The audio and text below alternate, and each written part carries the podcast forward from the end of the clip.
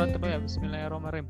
Assalamualaikum warahmatullahi wabarakatuh. Kembali lagi ke podcast Islam moderat yang dikelola oleh seorang santri yang sudah lama malang melintang di dunia pesantren yang bernama Kang Anwarul Aziz. Oke, di Ya, kali ini kita membahas tentang Islam moderat.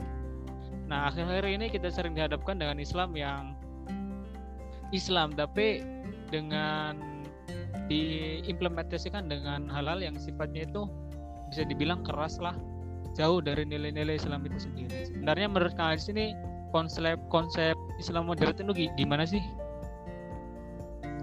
Oh ya, terima kasih Abang Fahmi atas waktunya. Ya walaupun ini juga podcast saya sendiri numpang. Jadi bintang Nggak tamunya tuh datang dari nggak apa-apa kan? Eh, bicara Islam moderat ya. iya. Kita bicara Islam nantilah karena banyak orang yang mengeklaim bahwa Islam kafah, Islam dia yang paling Islam paling murni, paling ya luar Iya. biasa lah. Kita bicara konsep moderatnya dulu. Aja. garis besarnya. Moderat sendiri, Iya, garis garis iya. besarnya. Garis besar moderat biar itu gampang dipahami. Mm. Mencari jalan tengah antara dua pendapat, antara dua pendapat yang berseberangan. Ketika A dan si B beda pendapat, moderat itu pola pikir moderat itu yang mencari jalan tengah, mencari keseimbangan, yang mana yang baik dari B, yang mana yang baik dari A diambil dan dikolaborasikan, digabungkan menjadi paham baru.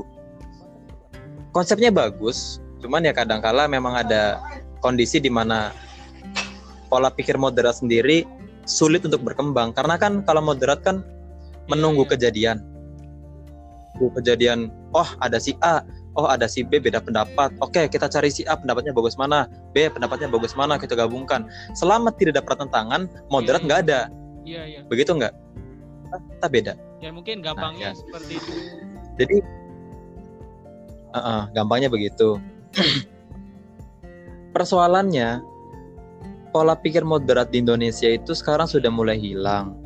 Karena tadi terutama di dalam dunia Islam sendiri pendidikan Islam sendiri yang tadi saya bilang setiap individu setiap kelompok setiap organisasi mengeklaim bahwa mereka lah yang paling benar mereka lah yang paling kafah mereka yang paling murni ajaran Islamnya.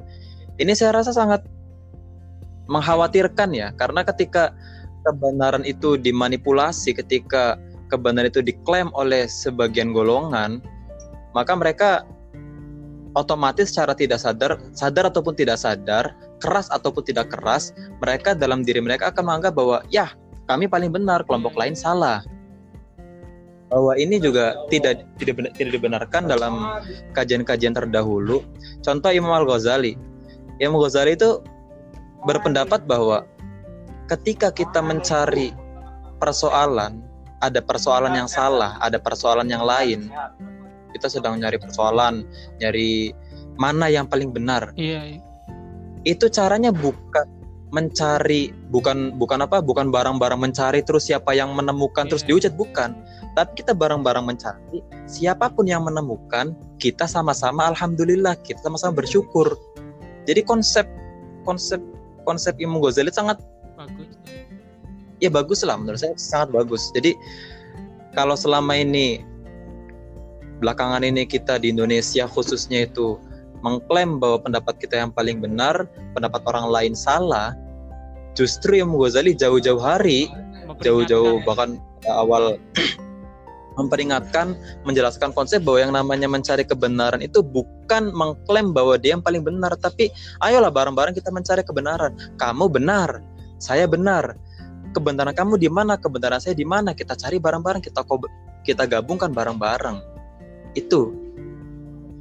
Itu saya kira begitu. Karena kita lihat sendiri ya bagus. Karena kita lihat saya sendiri kata moderat itu asalnya dari kata moderasi. Menurut KBBI jilid 5 moderasi itu diartikan dari pengurangan atau kekerasan atau penghindaran dari keekstriman. Nah jika digabungkan dengan kata Islam yang mempunyai definisi adalah agama yang diajarkan Nabi Muhammad yang berpodaman pada suci kitab suci Al-Quran yang diturunkan ke dunia melalui wahyu melalui wahyu lewat malaikat Jibril. Hal ini sudah jelas menurut saya. Jika Islam digabungkan dengan kata moderasi itu sangat menjadi sebuah Islam yang akan fleksibel yeah. gitu loh. Karena kata moderasi sendiri padahal kata kata Islam sendiri kan adalah sebuah agama yang toleran, cinta damai, apalagi apalagi apa Islam yang ada kan di daerah lingkungan kita di Nusantara ini kan Islam yang kebanyakan dari disebarkan gangguan kekerasan. Nah, sedangkan kenapa malah semakin Islam itu pemeluknya semakin banyak kok kekerasan itu semakin banyak ditampilkan. Jadi ya menurut saya penting sih pemahaman Islam moderat diterapkan kembali gitu loh diberikan iya. kembali. Karena pemaknaan dari kata moderat itu wasaton kalau nggak kalau nggak salah ya besar iya, ya? Wasaton tengah-tengah. Wasat kan? Nah wasaton nah wasaton itu pada mulanya itu adalah segala objek yang baik sesuai objeknya. Jadi apa ya dengan kata lain bahwa wasaton itu adalah berada di posisi antara dua ekstrem gitu Nah, menurut kita baca beberapa artikel ini dari tulisan teman saya, menurut Quraisy ini kata mod wasaton atau moderat ini adalah ya kata yang berada di posisi antara dua ekstrim gitu loh. Jadi nggak ekstrim kanan, ekstrim iya. kiri. Kita fleksibel. Cari jalan aman lah. Nah, iya. Karena menurut orang-orang dulu juga kayak El Ghazali ya segala sesuatu yang baik itu ya ada di pertengahan gitu. Yang berlebihan itu pasti ya, apa pun baik. itu Iya, itu kan udah jelas kan. Jadi, nah ada satu kisah lagi nih yang menurut saya menarik bahwa Allah itu adalah yang maha moderat. Gini kayak gimana gimana gimana ditemukan. Kita boleh cerita ya berarti ya ini. Oh cerita bebas kita kan ngobrol-ngobrol-ngobrol santuy tapi agak berat lah ya. obrolannya. Nah kita ini baca artikelnya pada saat peristiwa Isra Mi'raj. Kan sholat itu diperintahkan 50 kali pertamanya ya kan? Iya. sehingga menjadi lima kali. Nah itu kan adalah bentuk moderatnya Gusti Allah gitu loh. Ya enggak sih? Bisa dimasuk iya iya. Enggak terlalu memaksa. Iya, iya. coba 50 sampai 5 nah kita ngambil pertengahan aja udah rewel banget gitu loh. Lah Gusti Allah aja udah mai dari 50 ke 5 gitu loh itu saking apanya coba? Artinya bahwa Allah pun mendengarkan argumen dari makhluknya begitu kan? Iya. Iya. Iya. Masa kita mengklaim bahwa kita itu adalah paling benar, iya. apalah itu ya yang menurut saya ini menarik karena begini, begini begini. Uh, saya juga pernah dengar ada satu kisah di mana kanjeng Nabi ketemu sama orang Arab, orang Arab Badui. Orang Arab Badui itu kayak bahasa sininya orang apa ya Dayak. Suku-suku yang masih pedalaman lah begitu. Uh, Kanjeng Nabi ketemu sama orang Badui orang Badui itu nanya ya Rasulullah nanti di hari akhir yang menghisap saya itu siapa? Kata Kanjeng Nabi yang menghisap kamu nanti Allah. Orang Badui ini bukan takut malah ketawa abis ketawa oh bagus lah bagus bagus bagus. Saya tenang kalau begitu. Kalau Allah yang ngisap saya tenang. Kan jadi kaget tuh loh kamu kok tenang? Kan kan kalau di asmaul husna kan Allah al hakim adalah zat yang maha hakim. Allah al adil Allah adalah zat yang maha adil. Loh kamu kok tenang Lo kata kata orang Arab Badui itu, ya kajian Nabi, kajian Nabi. Saya itu sepengalaman hidup saya semenjak saya masuk Islam, semenjak saya lahir ke dunia, saya berurusan dengan Allah tidak pernah ribet sama sekali. Gampang kajian Nabi. Bahwa saya tidak pernah memberikan Allah apa pun. Saya tidak saya, saya tidak pernah memberikan Allah harta, tidak pernah memberikan Allah apa pun lah persembahan apa pun saya tidak pernah. Tapi Allah setiap saat selalu memberikan kepada saya apa pun. Artinya begini. Lalu kajian Nabi ketawa. Oh iya iya benar-benar. Ternyata kamu benar. Kamu juga benar. Artinya begini, yang saya tangkap bahwa Allah itu ada kalian begini, ada, ada kalian begini. Allahu mabniyun alal alal al apa ya? Ala sahal. Allah itu lebih senang berting, ber, apa, bersikap mudah. Artinya ketika ada kondisi di mana kalau kita pemahaman orang-orang yang biasa itu kan wah Allah al-adil Allah itu begini Allah itu begini. Loh ternyata ada pendapat lain yang kelihatannya konyol. Tapi di situ bahwa orang Arab itu walaupun dia tenang ah nanti di akhirat dihisab sama Allah ah santai aja. Walaupun ada kesan meremehkan tapi sebenarnya dia tidak meremehkan. Justru dia itu bersikap husnudon yang saya tangkap begini pendapat yang pertama pemikiran orang-orang biasa orang-orang umum itu loh kok di sidang Allah kok tenang padahal Allah tahu kamu di pojokan kamar lagi ngapain HP buka-buka apa aja linknya buka kan begitu kan yeah, kalau yeah. orang awam itu begitu tapi ketika ada pendapat lain yang mengatakan begini kan jadi malah tersenyum. Pun di situ berarti antara dua pendapat tadi dua-duanya benar, dua-duanya benar. Tidak salah kita mempunyai rasa khauf, rasa takut kepada Allah. Ah, nanti barangkali nanti saya disidang, barangkali nanti saya dipertanyakan amal saya, barangkali tidak apa-apa. Pun tidak apa-apa juga ketika ada orang yang berpendapat, ah, Allah mah baik hati. Lo nyatanya begitu kan? Allah baik hati apa enggak? baik hati kan jadi yang saya tangkap dari kisah tadi ya ya begitulah jadi dua pendapat yang sama sekali bertolak belakang berbeda. Yang banyak orang ya lebih setuju mungkin ke pendapat pertama. Dihisap oleh Allah kok tenang. Tapi ketika ada pendapat lain kanjeng Nabi menerima bahkan kanjeng Nabi mengiyakan ternyata kamu cerdas kata kanjeng Nabi begitu. Loh kenapa kita sekarang, kita sekarang orang-orang di zaman sekarang yang jauh sekali dari kanjeng Nabi, jauh ini jauh zaman, jauh pemahaman, konteks kita kan hanya sekedar berdasarkan kitab-kitab kan, iya. kitab dan historis historis cerita kita tidak pernah mendapatkan kita tidak pernah bertemu langsung dengan kanjeng Nabi. Loh kenapa kita sebagai orang Islam kok merasa wah saya ini punya pemahaman begini saya paling benar. Itu saya rasa konyol sih. Mungkin ada beberapa faktor kan yang menyebabkan kenapa Islam kita akhir-akhir ini menjadi sedikit keras gitu loh jauh dari kemoderatan padahal dalam beberapa ayat kata wasat itu sering disebutkan. Mungkin saya nggak kutip ayatnya ya. Intinya mah ada banyak ya. kalau kita cari. ya umatan wasatol ya, litakunu syuhada alaina seterusnya. salah satunya mungkin lah. Intinya mas sering kata wasat itu disebutkan itu saking pentingnya prinsip moderat gitu. Nah mungkin ada beberapa faktor yang menyebabkan kenapa apa ya era sekarang atau zaman sekarang orang itu apa ya jauh dari kata modern menampilkan Islam-Islam yang sedikit keras. Mungkin ada beberapa faktor. Salah satunya itu adalah ya kesal kesalahpahaman gitu loh. Ketidakpahaman mereka terhadap ayat-ayat Al-Quran yang menafsirkan dengan cara sembrono atau hadis atau kitab-kitab klasik yang secara dikaji secara tekstual tanpa membandingkan teks-teks kitab-kitab yang lain. Nah, satu lagi mungkin ya menafsirkan teks keagamaan itu secara dengan hawa nafsu gitu loh.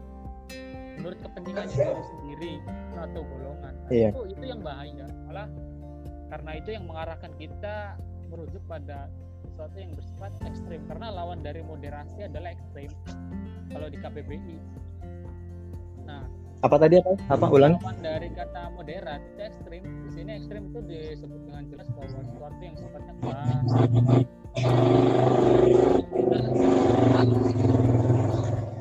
Ya, ya, ya. Ya mungkin satu lagi yang ini yang paling penting mungkin. Kenapa orang itu banyak yang keras dalam menampilkan citra Islam? Mungkin ya ini nih mencampurkan pemahaman apa ya memasukkan agama secara paksa ke aliran-aliran politik. Ini yang paling bahaya karena akhirnya menyebabkan bisa tindak kekerasan yang seperti terorisme. Karena memasukkan ideologi-ideologi yang sifatnya politik kekuasaan kan malah iya benar padai kenapa Islam modern itu perlu dibuktikan kembali? Karena ya khawatir ketika orang tersebut terpapar yang namanya aliran politik terus menafsirkan agama secara sembrono ya akhirnya akan keras sehingga akan merugikan orang lain. Aslinya Islam modern itu bisa menjadi solusi dalam memerangi ekstremisme. Iya, tinggal bagaimana cara kita untuk mensosialisasikannya saja ya. Harusnya kita lebih membumikan kembali Islam iya. Kayak kan. ya asli Indonesia belum maksudnya tuh masih banyak lah yang kalangan moderat seperti kayak santri atau lingkungan lah yang ngerti dan memahami.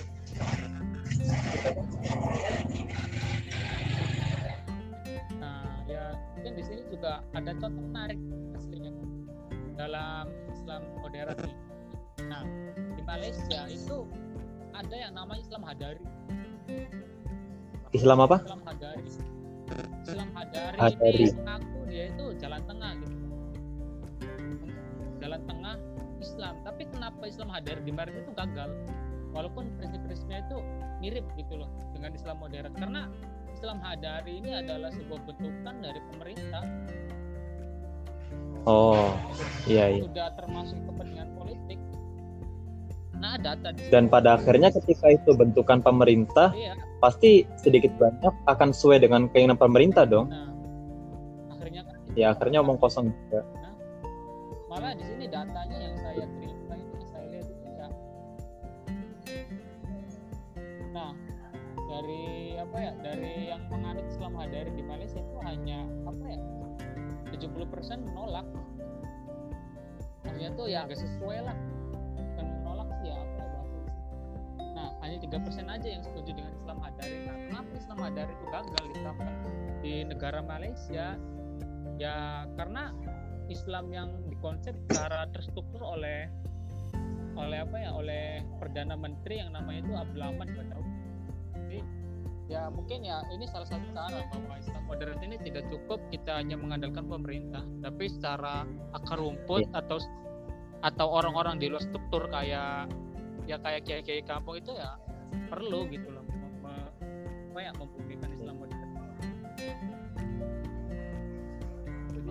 Memulai dengan kesadaran diri sendiri juga itu poin yang sangat penting. ya dengan kayak begini kan gitu. Eh, saya tadi setuju, setuju pernyataan Bang Fahmi yang bilang bahwa ketika eh, yang menyiratkan ketika agama dibawa ke politik itu sudah dapat dipastikan itu hancur lah. Iya.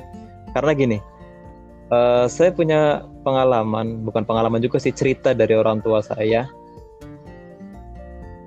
Jadi di desa itu ada RT, ketua RT itu dukung salah satu lurah. Ada dua calon lurah. Calon yang pertama ini dia kandidat paling kuat, kandidat yang paling kuat, tapi kuatnya itu bukan karena rekornya yang track recordnya yang bagus. Kuatnya itu karena dia pandai, pinter banget memanipulasi kalimat-kalimat agama. Setiap eh, ada apa namanya tim sus eh tim sukses ya. Ya tim susnya itu datang ke rumah-rumah rumah-rumah warga itu pasti sampai bahkan bawa Quran ada yang bawa Quran dan sumpah di depan orang yang mau diajak tadi eh pilih deh orang ini pilih orang ini karena gini gini gini. Sumpah wallahi demi Allah saya berani kur- sumpah Sampai Quran. segitunya dia ya. sumpah pakai Quran. Sampai segitunya. Akhirnya kan dari RT ini wah iya dong. Karena dia ini ya katakanlah kalau agak kasarnya itu orang soleh Hmm. baru lah orang soleh soleh baru. Karena wah ini hebat ini ini hebat. Sampai berani sumpah dengan menggunakan Al-Quran dan nama Allah. Wah pasti dia orang benar pasti dia orang benar. Nah yang calon kedua dia nggak pakai cara-cara begitu tapi track recordnya bagus. Bagus banget. Tapi dia nggak pakai cara-cara kayak agama-agama itu nggak pakai. Jelas dong udah kelihatan siapa yang menang. Nomor satu yang menang. Karena dari berbagai orang berbagai elemen itu wah mereka menganggap bahwa nggak mungkin ada orang yang berani sumpah dengan menggunakan nama Allah. Apalagi Quran. Wah nggak mungkin. Pasti pasti. Ketika dipilih ternyata wah langsung baru satu bulan kemudian langsung dia terkena tuduhan kasus korupsi. Tuh akhirnya malu lah ini. Si ketua RT ini malu akhirnya banyak digunjing-gunjingin. Yang saya tangkap dari kejadian ini bahwa oke saya tidak mengatakan bahwa RT ini Pak RT ini jelek buruk itu enggak. Salah itu enggak. Karena dia juga berusaha untuk gimana ya untuk menjadi orang soleh. Iya. untuk menjadi orang baik. Paling tidak menurut pemahamannya orang yang berani sumpah dengan nama Allah itu bagus. Baik. Hmm. walaupun pada Iya, iya. beda lagi. Eh, tapi pemahaman RT Pak RT ini yang yang yang dikatakan ya dangkal baru-baru menjadi orang-orang soleh ini benar-benar dimanfaatkan oleh pemerintah. Dalam hal ini ya lurah tadi benar-benar dimanfaatkan dengan sangat baik sampai menggunakan sumpah-sumpah dan Quran tadi. Akhirnya Pak RT ini yang tidak punya pengalaman tidak punya pengalaman tidak punya pengetahuan bahwa oh banyak loh orang yang sumpah dengan nama Allah terus dianya dusta, tidak punya pengalaman, tidak punya pengetahuan seperti itu, akhirnya iya iya iya iya. Yang saya khawatirkan tadi lah benar. Kalau zaman-zaman sekarang kan kita Iya, gampang iya. banget ada orang sumpah, sumpah demi Allah atau apa pun lah, tapi kenyataannya bullshit. Orang yang mendengarkan, orang yang mendengarkan sumpah Nah. tadi, maksudnya orang-orang Ya. awam mungkin, oh ya, wah ini orang bagus, ini orang bagus. Niatannya orang-orang yang awam tadi bagus karena paling tidak mereka punya keinginan apa ya lebih islami lah. Punya keinginan lebih islami. Tapi orang-orang yang punya kepentingan ini yang menyalahgunakan pemahaman tadi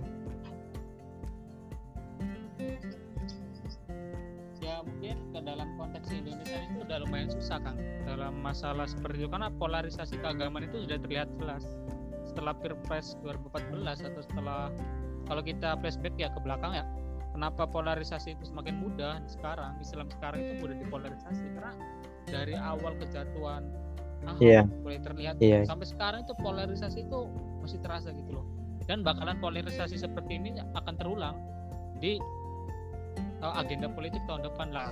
Di sinilah bagaimana konsep Islam moderat itu dibumikan kembali gitu. Walaupun tidak bisa merubah polarisasi tersebut, setidaknya kita bisa apa ya mencegah polarisasi itu semakin runcing. Nah, ya hal ini sih yang harus jadi tugas kita semua bagaimana ya Islam itu ya ya bisa bisa yang menjadi Islam yang toleran yang ya yang seperti tadi sebut penuh penuh dengan toleransi. Dan karena ya di zaman sekarang ini digital ini sangat susah. Bagaimana membuktikan Islam moderat dengan cara yang digital? Sedangkan orang-orang yang moderatnya sendiri itu adalah kebanyakan itu tidak melek dengan iya iya. dunia digital. Karena orang Iya. nah itu yang dimaksud penyebab polarisasi kan karena adanya perkembangan teknologi. Sehingga terlihat gitu ditambah dengan buzzer-buzzer yang dibayar seberapa sekian puluh juta untuk membuat usaha. Sehingga ya istilah konsep Islam modern itu ya masih lumayan susah untuk diterapkan kembali. Walaupun susah tapi kan ada kemungkinan bisa berhasil. Akhirnya kan dengan tadi bahwa ya kita memberikan kepada teman kita sendiri keluarga kita sendiri atau minimal dengan mengisi dunia sosial media dengan konten-konten yang modern karena ya walaupun itu terlihat remeh Oke. tapi ya itu aslinya jadi ada saran saran bagaimana cara kita supaya bisa berpikir lebih moderat? Orang kan kadang kan ada kepengenan untuk hidup tenang. Pastilah ada lah ya cuman kan banyak juga orang yang nggak tahu cara hidup tenang itu cara mikir tenang kalem ayem anteng itu gimana kan nggak tahu jadi ada saran nggak Nah, mungkin ini ada ada tips nih. Ada tips, tiga tips kita itu harus jauhi tiga empat atau frame yang terkait dengan masalah sekarang. Itu yaitu pulau, ulangi ulangi ulangi huruf, dan tasyadud. Nah, pulau atau taharuf itu adalah kata yang mirip. Taharuf itu adalah melanggar keseimbangan. Data- oh ya maklum Soalnya- al insanu ma halin sabalah foto Nah. Nah, Kalem aja, maaf. Soalnya saya sendiri pengen langsung ceplok-ceplok, saya tidak terlalu Iya. mengerti dalam. Jangan berbicara jangan ber- Ya, jangan kalau ada yang jangan berbicara hal yang kamu tidak ketahui ya jangan sotoy Kalau ada- gitu ya. Nah, iya, jadi saya berbasiskan data ini. Nah, gulau ini dan taruh ini mirip, kata mirip itu hula taharuf itu adalah artinya itu melanggar batas keseimbangan.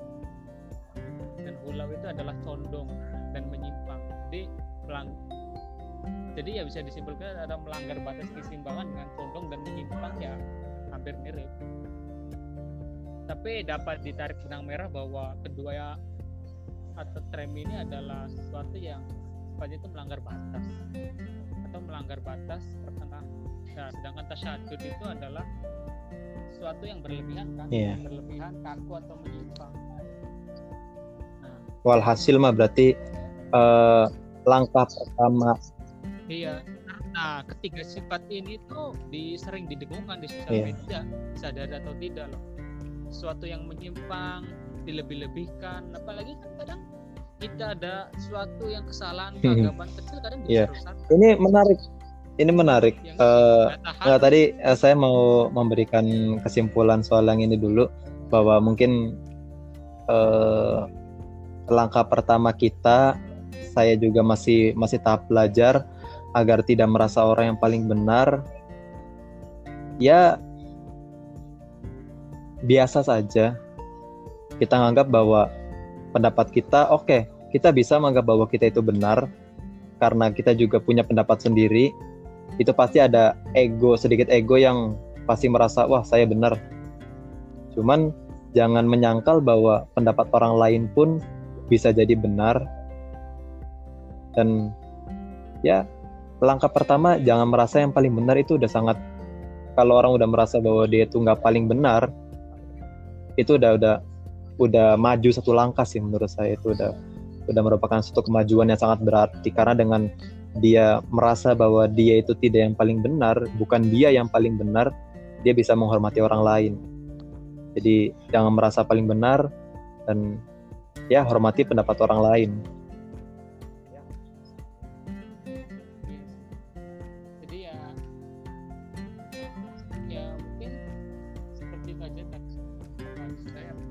Soalnya kita mau Iya. masuk ke ranah-ranah yang lebih Tapi- itu lagi ini Iya. bahasnya soal keagamaannya doang kan bukan ke ranah kayak kita teori atau apalah soalnya ini juga temanya nggak dibilang dari sekian sih jadi dadakan mungkin cari sumbernya dadakan kalau sampai 16 kitab jadi maju Ya santuy aja lah santuy. Kita kan eh, niat nggak niat, niat nggak niat tapi tapi nyatanya jadi. Iya.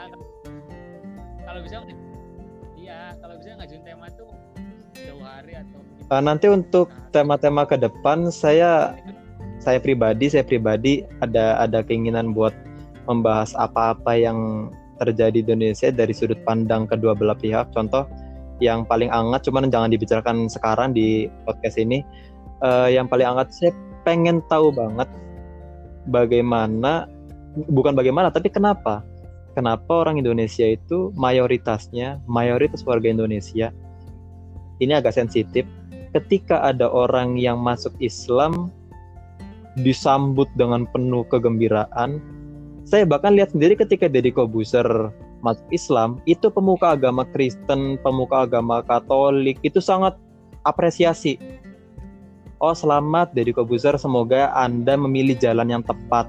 Semoga Anda tidak menyesal dengan pilihan Anda. Semoga Anda hidup bahagia. Itu benar-benar kalimat-kalimat yang apa apresiasi gitu loh. Tapi kenapa ketika ada orang Islam pindah ke agama lain, kok dari pemuka agama kita kok bukan pemuka agama juga sih, maksudnya dari kalangan-kalangan orang Islamnya kok banyak yang mencibir. Jadi saya tidak mengomentari, saya tidak mendukung orang itu untuk pindah-pindah agama, tapi kenapa rasa legowo, rasa menerima, rasa rasa apa namanya, rasa kemanusiaan kita itu tidak sehebat saudara-saudara dari agama lain. Itu itu yang ingin saya ketahui di podcast ke depan lah mungkin. Ya, kita juga pernah nulis tentang itu sih aslinya tentang masalah kedua itu. Tapi dalam teori framing media bukan masalah ke Oh. agamanya gitu bang. Tapi dalam framing baga- bagaimana media itu timpang. Kalau anda perhatikan ada artis yang mas yang keluar dari Islam Mas. Tapi media itu mengframing dengan dia menghujat Hmm. dengan habis-habisan. Itu dapat terlihat kok Iya, di iya. berita internet. Tapi di satu sisi ketika ada orang yang masuk Islam yang notabene sebagai mayoritas, link berita tersebut itu judulnya itu Iya. memuji semua dia ini gara-gara ini gara-gara ini. Itu terlihat kok kalau kita memperhatikan dalam ilmu kajian. Oke, jadi ini sebenarnya PR yang sangat besar. Sangat-sangat besar. Ya mungkin terjawabannya ya kita spoiler, Spoiler, spoiler aja. untuk ke dulu. chapter depan siapa pun Anda yang mendengarkan sampai detik ini entah tidur ataupun tidak, entah sambil makan, sambil ah, sambil ngopi, sambil apa, kami ucapkan terima kasih. Eh, iya, selesai kan? Oh, Saya dong, host, host. saya host. Kita- saya kembalikan ke host. Oke, kurang lebihnya terima kasih khususnya kepada bukan ya pembicara kali ini. Ya kurang lebih mohon maaf saya sendiri ngerasa banyak adanya kesalahan karena ini adalah temanya dadak jadi saya kurang menguasai dan itu bukan pakemnya saya. Likulli Saya pak-pak. saya akan- Iya. Jadi ya saya hanya bisa ngobrol nyambung sebisanya lah. Masa mau diam aja? Kasihan, kasihan narasumbernya. Maksud Ah, ya, namanya juga oh, ngobrol kalau gitu mah buat lah- diri sendiri. Jadi kalau ada apa atau kalau kalau ada yang protes atau apalah ya monggo kita protes protes ya ya saya udah minta maaf kok. Jadi ya apalagi ini ini kan bakalan Disebar, ya, ya disebar dong, masa nggak disebar? Tuh kan disebar pesan. Jadi apabila ada orang atau Orang atau jin atau apalah mendengarkan. khususnya terus merasa risih gitu. dengan omongan ini ya cukup jangan didengarkan di delete lagi Terus saya Ya pun kalau misal nanti ada yang merasa terganggu atau ini salah, ini salah, ini salah ya silakan komentar atau di mana pun. Yang penting dengan bahasa yang baik, halus, kalem, kalem get santun. udah Oke. minta maaf lah kurang lebihnya mohon maaf oke terima kasih pada podcast kali ini Wassalamualaikum warahmatullahi wabarakatuh Waalaikumsalam warahmatullahi wabarakatuh.